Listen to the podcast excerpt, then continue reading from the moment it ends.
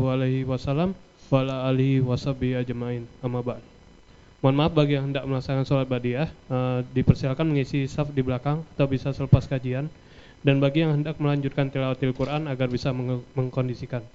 Alhamdulillah setelah kita melaksanakan sholat zuhur berjamaah, insya Allah selanjutnya kita akan lanjutkan dengan kajian rutin Ba'da Zuhur yang akan dibawakan oleh Ustadz Munzir Situmorang dengan tema musibah yang tak kunjung usai. Alhamdulillah Ustadz telah hadir di tengah-tengah kita. Jazakallah khairan qasiran pada Ustadz. Sebelum mulai kajian dimohon kepada para jamaah untuk merapatkan barisan ke depan agar saudara-saudara kita yang hadir belakangan bisa sholat berjamaah di belakang. Bagi jamaah yang ingin bertanya bisa secara langsung maupun online melalui link mtxl.or.id tanya. Uh, sekilas info, hari ini sedang diadakan Umroh Day ya, dari tanggal 21 sampai 24 Januari 2020. Jadi para jamaah insya Allah bisa mendapatkan banyak manfaat dari program spesial MTXL ini, yaitu info terkini mengenai program MTXL Umroh Spesial Ramadan di Haramain, tanya jawab on the spot seputar keutamaan dan fikih umroh dibimbing oleh ustadz yang berpengalaman. Uh, tanya jawab seputar keutamaan iktikaf di Masjidil Haram dan Masjid Nabawi, foto booth dengan memakai pakaian ihram dan tersedia berbagai merchandise menarik. Ayo kunjungi stand umroh MTXL yaitu di perpustakaan depan sekretariat yaitu di sebelah masjid. Uh, kajian siang ini insya Allah akan berlangsung hingga pukul 1 siang. Apabila ada ma masih ada waktu akan dibuka untuk tanya jawab. Mari kita membuka kajian ini dengan bersama-sama membaca basmalah. Bismillahirrahmanirrahim. Untuk efisiensi waktu kepada Ustaz kami persilakan. Baik, Assalamualaikum warahmatullahi wabarakatuh. Innal hamdalillah hamdan katsira thayyiban mubarakan fi. Asyhadu an la ilaha illallah wahdahu la syarika lah wa asyhadu anna Muhammadan abduhu wa rasuluhu la nabiyya ba'da. Allahumma salli wa sallim ala Muhammadin wa ala alihi wa sahbihi ajma'in. Faqala ta'ala fil Qur'anil Karim, a'udzu billahi minasy syaithanir rajim. Ya ayyuhalladzina amanu taqullaha haqqa tuqatih wa la tamutunna illa wa antum muslimun ba'd. Alhamdulillah kita bersyukur kondisi musibah terus-menerus di Indonesia, negeri Islam terbesar di dunia. Kalau antum melihat data ya, saya senang bicara data. Dari 63 negara Islam di dunia, dari 204 anggota PBB, musibah yang nyaris sepanjang tahun tidak berhenti Indonesia. Musim hujan kita kebanjiran, musim ke panas kita kepanasan. Laut kita terluas di dunia, tapi kan kita masih sangat mahal alam kita maksimal tapi rakyat kita masih susah uh, Indonesia bukan hanya diturunkan musibah di Indonesia tapi di luar negeri kita dipermalukan dengan sinaga betul orang kampung saya lagi 194 korban negara lain melihat bukan sinaganya tapi berasal dari negara Islam terbesar di dunia dan media Indonesia internal tidak mengangkat apa agamanya, siapa pelakunya, di mana gerejanya, sejauh mana ketaatannya, tidak pernah diangkat. Tapi seandainya pelakunya muslim dan berjenggot, kira-kira diangkat nggak per jam itu? Seperti kasus Kombes yang ketangkap di Malaysia membawa narkoba itu. Itu media berebut mencari agamanya apa, ketaatannya ternyata dia imam di kompleknya. Itu diangkat terus-menerus. Karena saya dulu wartawan VOA Islam. Itu bagaimana mainstream mereka menghancurkan Islam. Karena itu yang sudah dikatakan dalam Al-Quran. Walan tardo angkal yahud wan nasara hatta tattabi'a millatahum qul inna hudallahi wal huda orang Yahudi dan Nasoro tidak akan pernah senang kepada kamu sampai kamu kembali ikut agama mereka. Itu Al-Quran, bukan kola munzir. Nah, kenapa musibah diturunkan terus dan apa motivasinya? Kata Rasulullah ketika musibah diturunkan, bagi orang beriman namanya ujian. Bagi orang kafir namanya azab. Karena pernah jamaah saya bertanya, Ustadz, bagaimana kita mengklarifikasi kapan itu berbentuk azab, kapan ujian? Jawabannya pakai hadis. Ketika diturunkan ujian, ketika diturunkan musibah kata Rasulullah kepada orang beriman namanya ujian, kepada orang kafir namanya azab. Karena orang beriman tidak mungkin diazab. Karena kekasih Allah. Sepakat? Nah, musibah itu bagi dua. Ada langsung atau tidak langsung. Yang tidak langsung karena perbuatan manusia, yang langsung dari Allah tidak bisa direkayasa. Ada lima. Tahu apa kira-kira mas? Kalau jawaban benar boleh pulang. Apa kira-kira? Ada lima satu gunung meletus, kedua tsunami, ketiga gempa bumi, ke, kelima, keempat angin topan, keenam, kelima kematian. Tidak bisa direkayasa. Tidak bisa dipercepat, tidak bisa diperlambat. Saya ulangi ya, gunung meletus, gempa bumi, tsunami, angin topan, kematian. Itu musibah langsung dari Allah. Keunggulan Jepang dari Indonesia sederhana kok. Bukan memprediksi kapan terjadi dan tidak mengetahui berapa skala Richter gempa di buah negeri mereka. Di Kyoto, di Tokyo. Keunggulan mereka dari negara kita sederhana. Kecepatan dan ketepatan evakuasi korban. Makanya kalau antum pernah ke Jepang, pernah ke Jepang Pak? Di daerah-daerah gempa Jepang itu, meja-meja di kantor itu kuat menahan kekuatan bongkahan gedung itu, Pak. Jadi ada perintah di sana, begitu suara serenai gempa terjadi di atas 6,5 skala Richter, itu tidak dianjurkan turun, tapi ke bawah meja. Karena di sana 24 jam disiapkan air mineral dan roti-roti, biskuit yang kadar gizi dan nutrisi tiga keping bisa kuat menunggu tim evakuasi turun. Jadi begitu gempa, masuk ke ke dalam tim evakuasi belum datang mereka merangkak mencari biskuit-biskuit yang sudah tersusun rapi. Di Indonesia kalau diterapkan biskuit dibikin di kantor belum gempa biskuitnya diambil karyawan. Kembali ke mental mentalnya persoalannya. Coba antum bikin biskuit di gedung-gedung kantor ini. Habis dibikin sarapan sama karyawan. Saya tidak menuduh pak. Kira-kira prediksi seperti itu nah kenapa terjadi Al-Quran A'udzubillahiminasyaitonirrojim ma asaba min musibatin illa biiznillah. Tidak ada musibah yang nimpa manusia kecuali atas jin Allah. Penyebabnya manusia. Contoh kematian. Betul kematian itu takdir, Pak. Kullu nafsin za'iqatul maut. Setiap yang bernyawa pasti maut. Mulai dari lalat sampai malaikat. Terakhir siapa meninggal? Malaikat maut. Kalau meninggal duluan, ente siapa yang cabut nyawanya?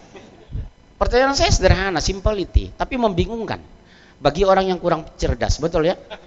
Kenapa musibah itu diturunkan? Kita lihat ada klarifikasi resmi dari Allah. Buka siapa yang baca Qurannya? Antum. Al-Quran surat 30 Ar-Rum. Kita bongkar. Agar objektif, tentu kita bertanya kepada yang menurunkan musibah. Sayangnya ketika terjadi musibah, selalu kita analisa saintis, bukan analisa hadis. Yang menurunkan gempa bumi siapa itu?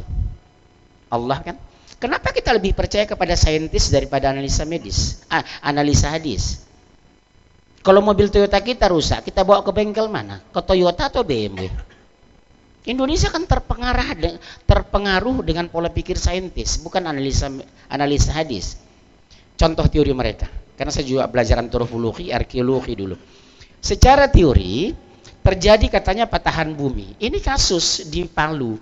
Secara teori patahan bumi itu seperti ini. Tapi kenapa di sini masjid tidak runtuh, tidak roboh, tidak hancur, di sini perumahan hilang satu komplek? Secara teori kan tidak mungkin. Yang yang mematahkan patahan itu siapa? Allah kan yang menggeser patahan itu siapa? Agar tidak digeser bagaimana caranya? Dekati Allah. Karena tidak mungkin dipatahkan kalau tidak ada masalah. Abdullah bin Ka'ab mengatakan, jika terjadi gempa terus-menerus di sebuah negeri itu, berarti sudah terjadi perbuatan dosa dan maksiat terus-menerus di bumi itu. Berarti efeknya kenapa? Karena dosa. Sampai Rasulullah mengatakan, boleh jadi besok Bapak diberikan Allah rezeki. Tapi malam ini bermaksiat, rezeki itu ditahan. Maksiat mempengaruhi kualitas rezeki, tapi ketaatan jangan hubungkan dengan pendapatan. Ketaatan kepada Allah berhubungan dengan apa? Apa? Ketaatan berhubungan dengan keberkahan. Antum pilih mana? Penghasilan satu miliar tapi neraka jahanam. Atau 60 juta tapi sorga. Tapi 60 juga belum dapat kan? Ya ikhtiar. Selalu orang mengatakan, Pak, Papa Senin Kemis tidak pernah tinggal, sholat tahajud tidak pernah tinggal, baca Quran dua juz per hari. Bengek bapak kenapa nggak sembuh? Saya bilang bengek itu penyakit. Nggak ada urusan. Jadi jangan antum membangun satu konklusi, satu kesimpulan. Ketaatan korelasi mutlak dengan rezeki. Kalau ketaatanlah membuat orang kaya, harus yang paling kaya di muka bumi ini Rasulullah. Tapi nyatanya Nabi Sulaiman dan Korun. Manusia yang paling taat di muka bumi ini siapa? Rasulullah kan. Berdasarkan hadis, ana awwalu fil jannah Aku yang pertama masuk surga, aku yang pertama membuka pintu surga dan umatku pertama masuk surga. Karena ketaatannya. Nyatanya dia yang paling kaya, tidak. Manusia yang paling miskin siapa? Nabi Isa, bukan Hamdan ATT. Nabi Isa itu sampai meninggal, busananya cuma satu. Sam, bukan meninggal ya diangkat oleh Allah wa ma qataluhu wa ma salabuhu mereka tidak membunuhnya tidak menyalibnya melainkan miripkan dengan dia itulah pengganti Yesus Kristus. Menurut Isa menurut orang Nasrani. Isa bukan Jesus. Isa not Jesus. You know? You know? Kok bengong ini saya lihat? Pertama kita lihat. 30 ayat 41 langsung baca mas. Langsung cepat. Telah tampak kerusakan di darat dan di laut disebabkan perbuatan tangan manusia. Oh, ini tidak langsung. Disebabkan apa?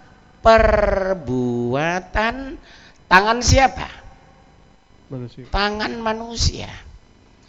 Lihat setiap kali banjir Jakarta, waspadai, awan hitam gelap turun dulu.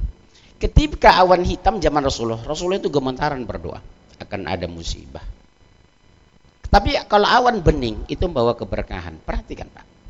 Sikapi awan dari awan. Yang kedua, selalu diumumkan Badan Meteorologi, Geofisika dan Klimatologi. Hati-hati aliran sungai Katulampa siaga 1. Debit air sudah 90 siaga 1. Apa yang terjadi penduduk Jakarta terutama daerah Jakarta Timur? Betul ya, Cipinang besar, Cipinang kecil. Saya korban 2007 kemarin, rumah saya hampir tenggelam. Anak saya umur 2 bulan paling kecil. Dimasukkan ke ember seperti Nabi Musa. Saya alami itu. Hanya ada ketakutan-ketakutan. Oh kiriman dari Bogor, kiriman dari Bogor. Masih syukur Bogor ngirim. Ente ngirim apa ke Bogor? Harusnya secara teori psikologi, orang yang dapat kiriman gembira nggak? Senang nggak? Salah persepsi harusnya. Harusnya begitu dapat pengumuman bahwa akan masuk air diperkirakan jam 5 subuh masuk Jakarta. Apa yang harus kita lakukan orang Jakarta? Bukan mengangkat barang ke loteng, bukan mengamankan surat penting apa? Berdoa, Rab, takdirkan air yang kau kirim membawa keberkahan. Akhirnya air itu membawa keberkahan bukan banjir. Karena tadi panik bukan mendekati Allah, kepanikan itu lebih parah. Hati-hati. Dengan ucapan kita bisa diselamatkan, dengan ucapan kita bisa dihancurkan. Dengan 23 detik antum bisa menikmati wanita dengan 23 detik antum bisa masuk neraka apa itu aku nikahkan engkau dengan anakku Fatimah binti Munzir Situmorang dengan mas kawin 3 kilogram emas tunai ini urusan saya anak saya antum hanya mengatakan aku terima seperti apa yang bapak sebutkan di atas enggak usah sempurna seperti pengumuman MC tadi saya kritisi itu saya tidak mau lagi jadwal saya diucapkan kalimat seperti itu apa? Mohon yang tilawah Al-Quran menyesuaikan. Enggak boleh ada tilawah jika ada ada taklim Quran. Karena mendengar taklimul Quran, pahalanya lebih besar daripada membaca Quran. Ustadz aja banyak nggak tahu ini. Antum mendengar kajian aneh setengah jam lebih bagus daripada antum baca Quran di ruangan dua juz antum mendengar talimul Quran lebih dimudahkan urusan antum dibandingkan antum ba'da zuhur tadi dua rakaat. Karena ba'da zuhur hukumnya sunnah mendengar taklim fardu ain. Paham ya? Itu fikih loh. Ada saya perhatikan, saya ceramah enaknya dari baca Quran. Hmm, itulah orang beriman tidak punya ilmu. Sudah bodoh betah. Gimana dia punya ilmu? Setiap pengajian dia pulang. Yang kedua harus saya kritisi dengan ucapan. Enggak boleh antum mengatakan kalau ada orang meninggal non muslim atau kafir, enggak boleh disebutkan al-mahrum. Itu artinya dirahmati. Mereka itu neraka jahanam dan dilaknat Allah. Dalilnya surat 931. Mereka dilaknat Allah. Enggak boleh antum mengatakan al-mahrum. Maksimal apa? Mendiang. Yang ketiga, bahasa dengan bahasa antum mendatangkan dosa.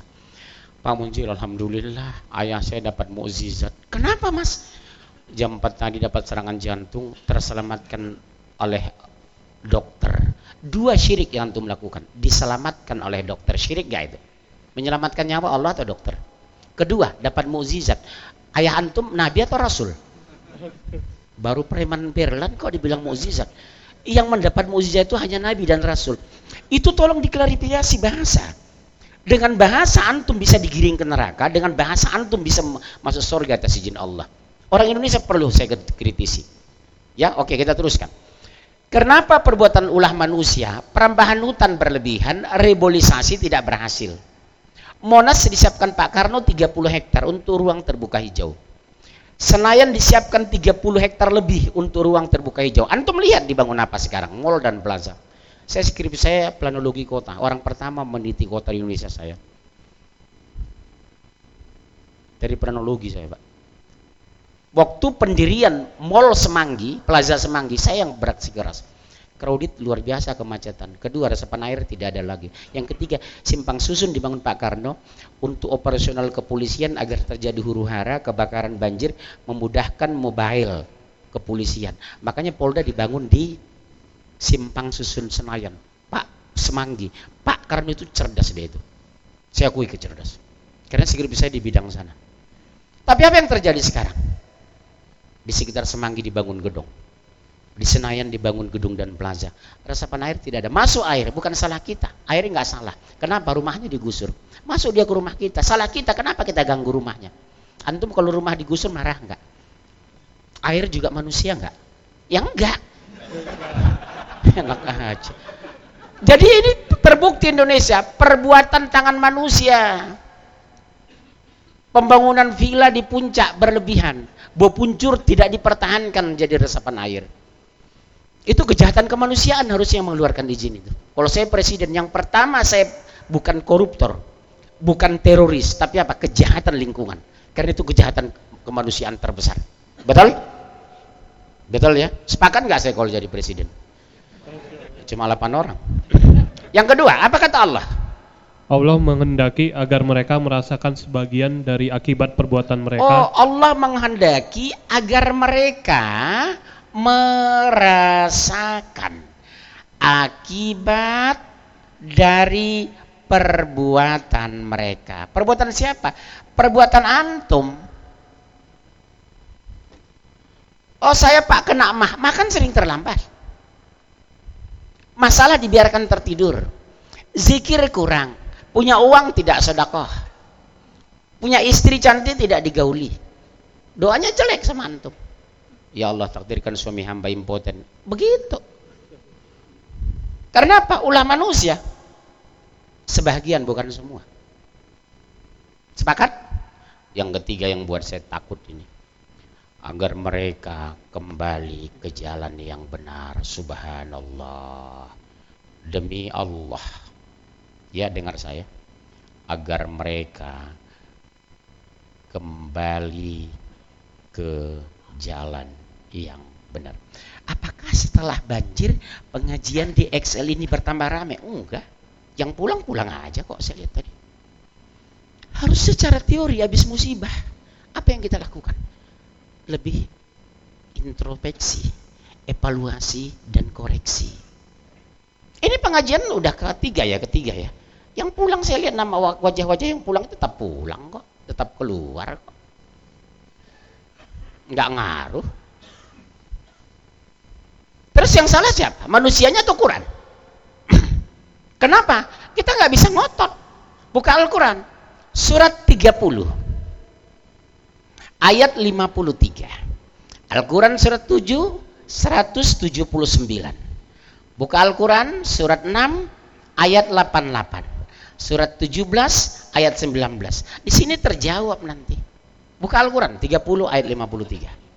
Langsung antum jangan lihat saya, lihat Dan Quran. engkau tidak akan dapat memberi petunjuk pada orang-orang yang buta mata hatinya dari kesehat, kesehatannya dan Tuh, engkau, tidak engkau dapat tidak bisa memberikan petunjuk. Tugas munzir hari ini menyampaikan kebenaran, bukan membuat orang menjadi benar. Seperti Rasul. Apa tugas Rasul? Ya ayyuhar Rasul balligh ma unzila ilaika min rabbik. Hai Rasul utusanku sampaikan apa yang kau dapatkan dari Tuhanmu. Bukan merubah orang menjadi beriman. Setara secara teori psikologi dan sosiologi mungkinkah anak Nabi Lut homosek? Secara teori psikologi? Dibesarkan oleh bapaknya yang taat Nabi Lut nyatanya anaknya homosek. Itulah sekarang banyak pengikutnya LGBT Mungkinkah istri Nabi Lut lesbi padahal dampingi laki-laki yang ahli sorga namanya Lut? Nggak mungkin secara teori. Mungkinkah anak dan istri Nabi Nuh neraka jahanam padahal mereka dibesarkan oleh ayah dan suami yang taat dan ahli sorga? Secara teori tidak mungkin. Artinya apa Pak? Allah pamerkan yang hak memberikan prerogatif hidayah hanya aku. Kalau Rasul membahas ini Umar itu menangis. Bagaimana kami ya Rasulullah? Bagaimana kami ya Rasulullah? Sewaktu-waktu hidayah dicabut. Hidayah itu bisa dicabut loh, itulah murtad. Hidayah diturunkan, itulah orang mu'alaf. Hidayah ditambah, makin tua makin taat. Hidayah tidak diturunkan, stuck. Dari lahir sampai mati, sholat aja kerjanya. Tapi ibadah tidak bertambah. Uang ada tidak sodakoh. Jenggot diperiksa, di, dipanjangkan tapi belum tentu tawadu. Senin kemis jalan belum tentu peduli. Harta melimpah belum tentu sodakoh. Apa itu hidayah tidak ditambah? Bagaimana kami Rasulullah kata Umar bin Khattab? Banyaklah kamu berdoa. Ud'uni astajib lakum. Ini ada satu hadis yang sangat bagus antum dengar ya. Apa kata Rasulullah? Doa orang beriman itu seperti pelepah kurma. Pelepah kurma itu kalau tidak dipotong tidak patah. Pelepah kurma itu kalau tidak ditebas tidak jatuh. Beda dengan pelepah pohon kelapa. Pelepah pohon kelapa itu tua dia jatuh, busuk dia runtuh seperti itu iman uh, doa orang beriman itu. Cuma doa orang beriman itu ada tiga fase kata Rasulullah. Fase pertama langsung dikabulkan. Kemarin saya hadapi di Madinah, di Mekah. Begitu saya habis tawab capeknya Masya Allah, nyender saya di tembok. Ya Rob, aku lapar ya Allah. Kembali ke hotel malas. Eh saya dikejar-kejar anak orang dari Egypt. Mesir sekitar 12-13 tahun. Mister please, I'm sorry, thank you very much. No problem, please Mister. Subhanallah. Habis saya makan selesai. Begitu saya pindah ke Mekah, empat hari di Mekah, dua hari di Mekah, sulit buang air besar. Ya Allah, susah buah ya Allah, hamba susah buang air besar. Eh nggak lama diketok kamar saya, diantar buah ke rumah seseorang. Di situ kebayang hadis ini ya Allah. Ada doa orang beriman kata Rasulullah langsung dikabulkan. Begitu pulang saya, saya lihat bagus sekali sesuatu. Tapi sekian ratus real. Kalau dirupiahkan 400-800 ribu. Gak jadi saya beli. Baru jalan berapa menit dipanggil saya. Anda suka? Subhanallah. Silakan ambil. Dikasih gratis. Di situ saya kebayang hadis itu. Kadang langsung. Kedua ditunda. Antum berdoa maaf jangan tersinggung ya mas. Udah punya rumah. Udah punya mobil. Udah ya. Yang belum belum punya mobil antum belum kan? Yang belum aja belum punya mobil pribadi maksudnya kan? Jujur jangan marah ya. Boleh jadi Allah tunda ya anakku. Seandainya punya mobil hari ahad mungkin tidak ke pengajian tapi ke puncak. Allah ingin pelihara ibadah beliau. Boleh jadi bapak 20 tahun jadi manajer padahal staf bapak yang dulu manajer sekarang sudah jadi GM di sini. Bapak jangan kecil hati. Allah akan akan ingin memelihara bapak agar sholat maghrib di rumah di masjid bersama anak. Seandainya jadi GM kebanyakan rapat dipanggil menteri, dipanggil GM, dipanggil Allah terakhir. Jadi takdir tidak ada yang salah. saya di ketua HMB loh dulu. Kawan-kawan saya rata-rata jadi menteri, jadi gubernur. Satu-satunya pejabat ketua HM yang tidak jadi pejabat cuma saya. Tapi apa yang terjadi? Kawan saya gubernur di Riau penjara. Yang satu bupati KPK. Yang satu kawan sekarang udah 12 tahun di penjara di situ datang bersyukur, alhamdulillah ya Allah, engkau takdirkan aku bukan jadi pejabat. Enak jadi ustaz, makan disiapkan. Tiap hari gajian. Antum sekali sebulan kan gajian? Benar Pak. jadi orang beriman itu positive thinking terhadap takdir. Karena takdir tidak ada yang salah. Yang salah kita mandang takdir. Musibah tidak ada yang keliru. Demi Allah sahabatku musibah tidak ada yang keliru. Yang keliru kita mandang musibah. Boleh jadi Allah tahan antum sampai sekarang umur 8, 47 tahun masih manajer. Padahal harusnya secara profesi dan penilaian antum sudah jadi GM di sini. Tapi Allah ingin pelihara agar antum ketaatan antum terpelihara bisa dengar pengajian. Seandainya antum direktur belum tentu bisa terus pengajian karena kebanyakan rapat dengan direktur. Betul kan? Oh alhamdulillah ya Allah 25 tahun aku jadi manajer. Stafku yang dulu bina aku sekarang jadi GM. Alhamdulillah kau takdirkan. Kisah nyata seorang menteri curhat sama saya melakukan perjalanan ke negara-negara Amerika Latin, Brasilia, Kolombia, Argentina. Setiap jam sholat, ini tolong jangan secara langsung nggak ini? Live. Sama ketika saya di Raudhah kemarin sampai makam Rasul, doa saya sederhana kok. Rob, tutup pintu hati hamba untuk mencintai dunia. Karena hamba tidak selamanya di sana. Dekatkan hamba ya Allah kepada orang yang dekat denganmu. Jauhkan hamba dari orang yang jauh dari kita terpelihara ketemu di Jerman orang soleh ketemu di Mesir orang taat ketemu di Pekanbaru punya pesantren doa itu luar biasa berdoalah kamu. Yang kedua kata Rasulullah, doa itu ditunda karena cintanya Allah doa ditunda. Umur 17 tahun Bapak sungguh-sungguh meminta seperti nasib saya. Taman SMA saya meninggal. Selesai kuliah ibu saya meninggal. Hidup di bawah garis kemiskinan. Kalau orang di garisnya, kalau saya di bawah garis. 2007 rumah saya tenggelam, sebelumnya rumah saya kebakaran. Habis air mataku ya Allah. Mudah rezeki hamba. Kontrak di 3 kali 7 meter mudahkan rezeki hamba. Sampai umur 38 rezeki tidak berubah. Harus Senin Kamis. Enggak bisa Senin Kamis. Puasa Nabi Daud. Oh enggak juga ketutup untuk makan. Akhirnya saya ya Allah, besok hamba puasa lagi karena tidak ada yang mau dimakan. Hamba menggodok puasa dalam harum ibu dan ayahku ya Allah karena kemiskinan itu. 38 baru diberikan Allah rezeki bisa punya rumah, punya mobil. Di situ saya kebayang persis seperti nasib ya Rasulullah Allah menunda. Hai Munzir, belum pantas kamu punya mobil di usia itu. Boleh jadi saya dapat mobil mungkin hari Ahad ke puncak bukan ke masjid. Boleh jadi Bapak diangkat jadi direktur mungkin lupa Allah dan Islam. Tapi ditahan Bapak 20 tahun jadi manajer. Karena Allah mencintai Bapak agar terus sholat jamaah ke masjid. Masya Allah. Allah maha berencana. Yang ketiga kata Rasulullah. Semua doa tidak ada yang dikabulkan. Dijadikan nikmat sorga Ketika mendengar ucapan ini, apa jawab seorang sahabat, Pak? Wallahi saya belum berani seperti sahabat itu. Ya Rasulullah, kalau aku tahu doa seperti itu, aku berharap tidak ada doaku di dunia yang dikabulkan Allah agar aku sempurna menikmatinya di surga. Berani doa seperti itu tuh? Berani?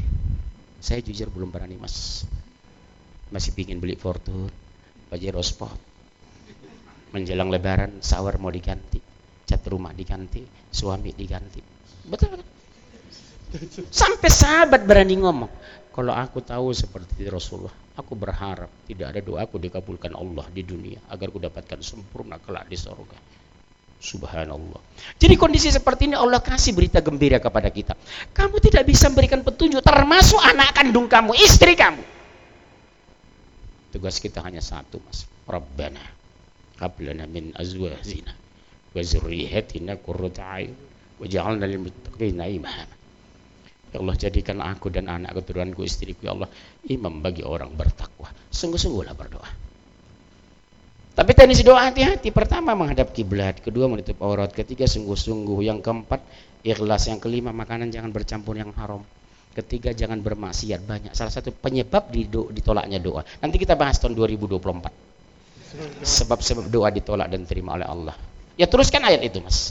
Waktu dan, tiga menit lagi. Dan engkau tidak dapat memperdengarkan petunjuk Tuhan kecuali kepada orang-orang yang beriman dengan ayat-ayat kami. Iya, makanya saya hanya bisa menyampaikan kebenaran ini ketika antum membuka hati untuk mendengar kebenaran.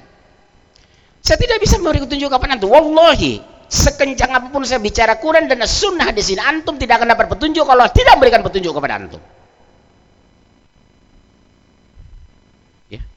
Berapa banyak orang yang taat mas, ujung-ujungnya murtad. Kisah zaman Rasulullah, seorang ulama kan murtad. Melihat wanita cantik. Aku ingin menikahimu. Boleh kamu menikah aku katanya. Tapi kamu harus ikut agamaku.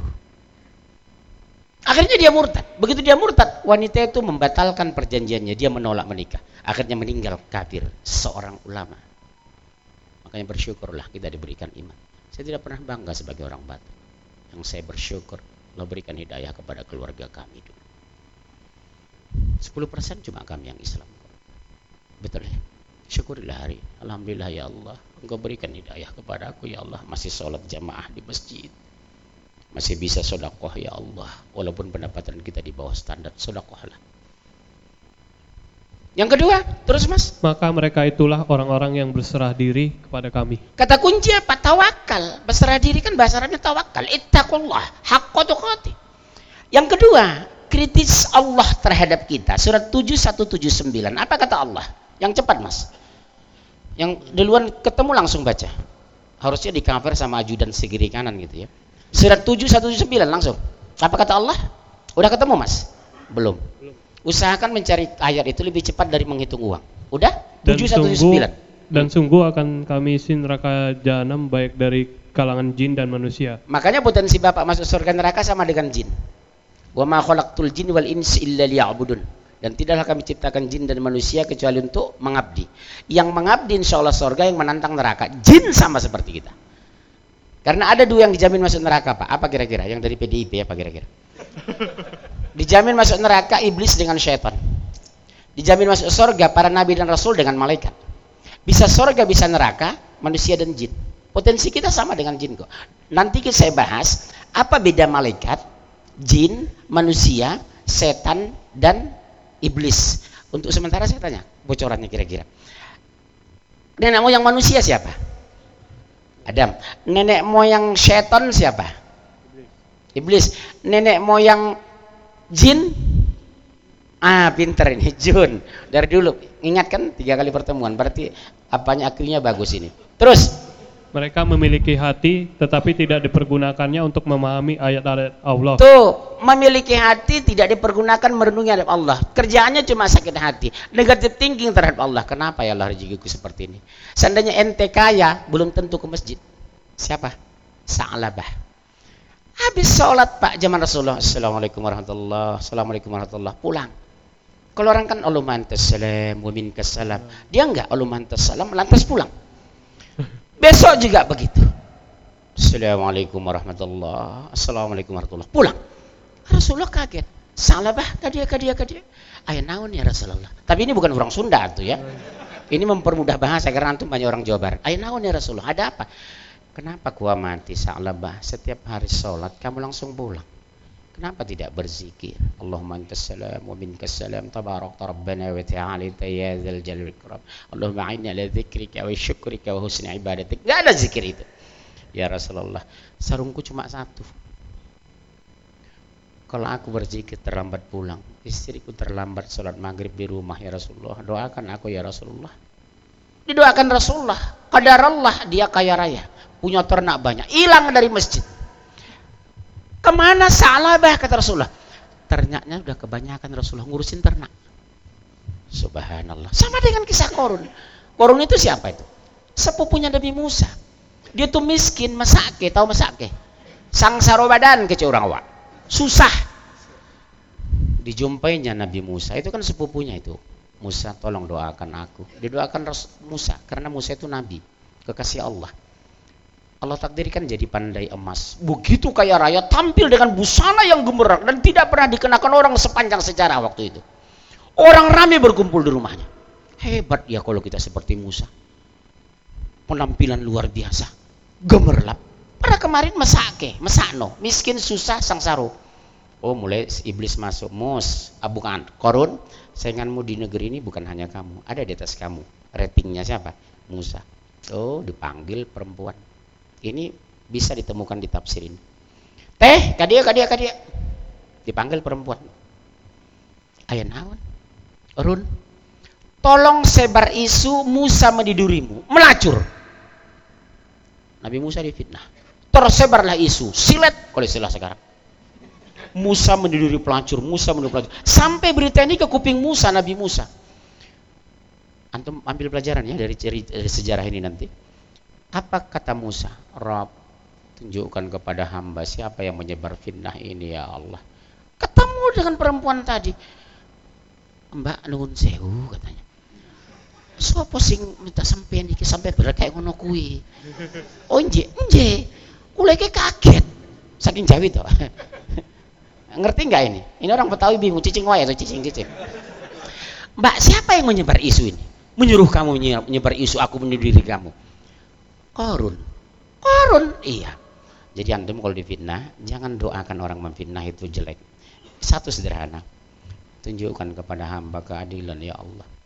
Saya dikepung orang difitnah, mau dibunuh, dipermalukan. Hanya itu doa saya. Tunjukkan kepada hamba keadilan ya Allah, munjir difitnah. Gak berapa lama yang fitnah itu meninggal, anaknya meninggal anak muda. Habis satu keluarga meninggal. Hanya itulah keadilan dari Allah. Selesai. Satu keluarga.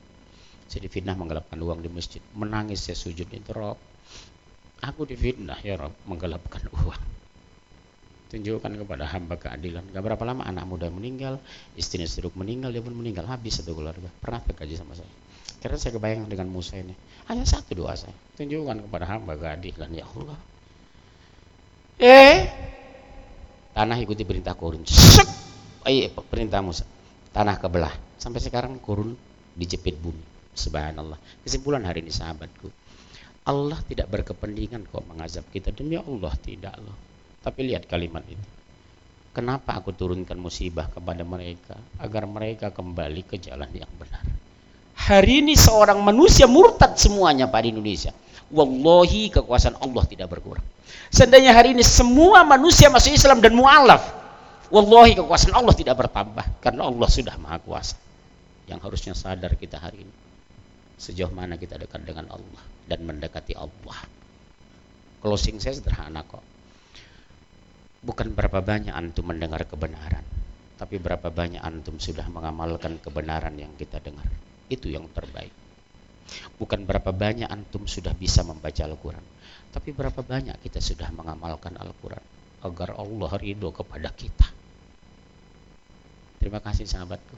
Semoga negeri ini dipelihara dari fitnah-fitnah. Mudah-mudahan anak keturunan kita dipelihara tauhid dan akidahnya. Tidak menyimpang, tidak syirik. Insyaallah doa kafaratul majlis. Subhanakallah bihamdika. Asyhadu an la ilaha illa anta astaghfiruka wa atubu ilaik. Wassalamualaikum warahmatullahi wabarakatuh. Tapi kalau ada pertanyaan boleh ada. Uh, jazakallah khairan kesiran pada Ustadz uh, untuk kajian ini mungkin kita tutup closing secara formal dulu ya. Ya. Nah dan buat para jamaah yang masih mau menanyakan sesuatu kepada Ustadz. Boleh satu menit. One man one satu, question. Dua. Lebih dari satu kan akan tarif. Silakan. Ada pertanyaan? Udah bulan depan nggak usah ngisi lagi, saya udah pinter semua, gak ada nanya ya. Kalau di BUMN lain pertanyaan itu bertubi-tubi, masya Allah. Pertama karena cerdas. Kalau sini mungkin kalau nggak cerdas ngantuk itu aja. Ya, terima kasih. Sampai jumpa insya Allah bulan depan. Assalamualaikum warahmatullahi Waalaikumsalam warahmatullahi wabarakatuh.